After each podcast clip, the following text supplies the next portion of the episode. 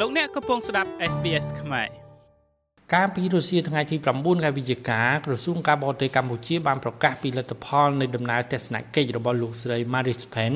រដ្ឋមន្ត្រីការបរទេសនិងជារដ្ឋមន្ត្រីកិច្ចការនារីអូស្ត្រាលីនៅក្នុងប្រទេសកម្ពុជាពីថ្ងៃទី7ដល់ថ្ងៃទី8ខែវិច្ឆិកា ដំណើរទស្សនកិច្ចរយៈពេល2ថ្ងៃនៅកម្ពុជាគឺដើម្បីពង្រឹងទំនាក់ទំនងនិងកិច្ចសហប្រតិបត្តិការទ្វេភាគីដ៏ល្អដែលមានស្រាប់រវាងកម្ពុជានិងអូស្ត្រាលីជាមួយគ្នានោះក្រសួងការបរទេសកម្ពុជាក៏បានប្រកាសថាលោកស្រីរដ្ឋមន្ត្រីការបរទេសនិងកិច្ចការនារីអូស្ត្រាលីបានបញ្ជាក់ជាថ្មីពីការបដិញ្ញាចិត្តរបស់អូស្ត្រាលីផ្ដល់វ៉ាក់សាំង COVID-19 ប្រភេទ Pfizer ដល់កម្ពុជាចំនួន2លាន35ម៉ឺនដូសហើយនៅបំណាច់ឆ្នាំ2021នេះអូស្ត្រាលីនឹងបញ្ជូនវ៉ាក់សាំង1លានដូសមកដល់កម្ពុជាក្រសួងការបរទេសបានប្រកាសថាលោកស្រី Marie Spen បានជម្រាបជូនលោកនាយរដ្ឋមន្ត្រីហ៊ុនសែនចំពោះការបង្កើតភាពជាដៃគូសន្តិសុខត្រីភាគីហៅកាត់ថា AUKUS និងបានអះអាងថាការដែលអូស្ត្រាលីចូលរួមក្នុង AUKUS នេះ គឺដើម្បីទទួលបាននាវាមុជទឹកដើរដោយធម្មពលនុយក្លេអ៊ែរដើម្បីអភិវឌ្ឍសមត្ថភាពកងទ័ពជើងទឹកអូស្ត្រាលីដោយគ្មានបំណងបង្កើតធម្មពលនុយក្លេអ៊ែរស៊ីវិលនោះទេស្របពេលជាមួយគ្នានេះអូស្ត្រាលីនៅតែបន្តបដិញ្ញាចិត្តចំពោះការមិនរីកសាយភាយអាវុធនុយក្លេអ៊ែរក្នុងតំបន់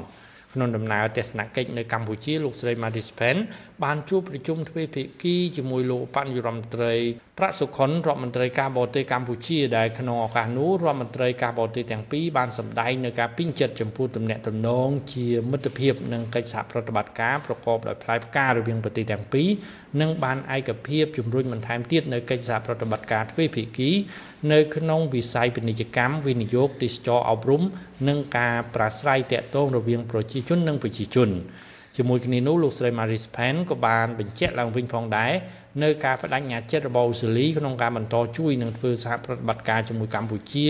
លើវិស័យនានាដូចជាការអភិវឌ្ឍសេដ្ឋកិច្ចការបោសសម្អាតមីនកសិកម្មសុខាភិបាលនិងអប់រំជាពិសេសការផ្តល់អាហារូបករណ៍ដល់និស្សិតកម្ពុជាជារៀងរាល់ឆ្នាំក្រោមកម្មវិធីអាហារូបករណ៍អូស្ត្រាលី និងកម្មវិធីភាពជាដៃគូមេកុងអូស្ត្រាលី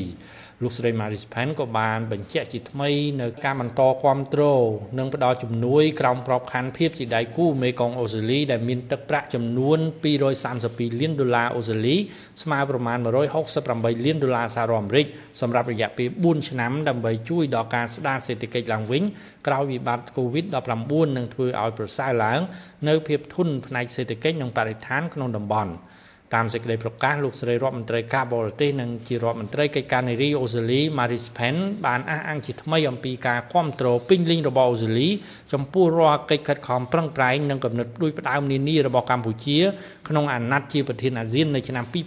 2022រួមទាំងកិច្ចប្រជុំកំពូលថ្នាក់ដឹកនាំស្ត្រីអាស៊ានដែលគ្រោងរៀបចំនៅកម្ពុជានៅឆ្នាំ2022 រដ្ឋមន្ត្រីការបរទេសកម្ពុជានិងអូស្ត្រាលីក៏បានផ្លាស់ប្តូរយោបល់គ្នាលើបញ្ហាតំបន់និងអន្តរជាតិដែលជាក្តីព្រួយបារម្ភរួមនិងផលប្រយោជន៍ទៅវិញទៅមករួមទាំងស្ថានភាពថ្មីៗនៅប្រទេសមីយ៉ាន់ម៉ាផងដែរខ្ញុំម៉េងផល្លា SBS ខ្មែររាយការណ៍ពីរាជធានីភ្នំពេញ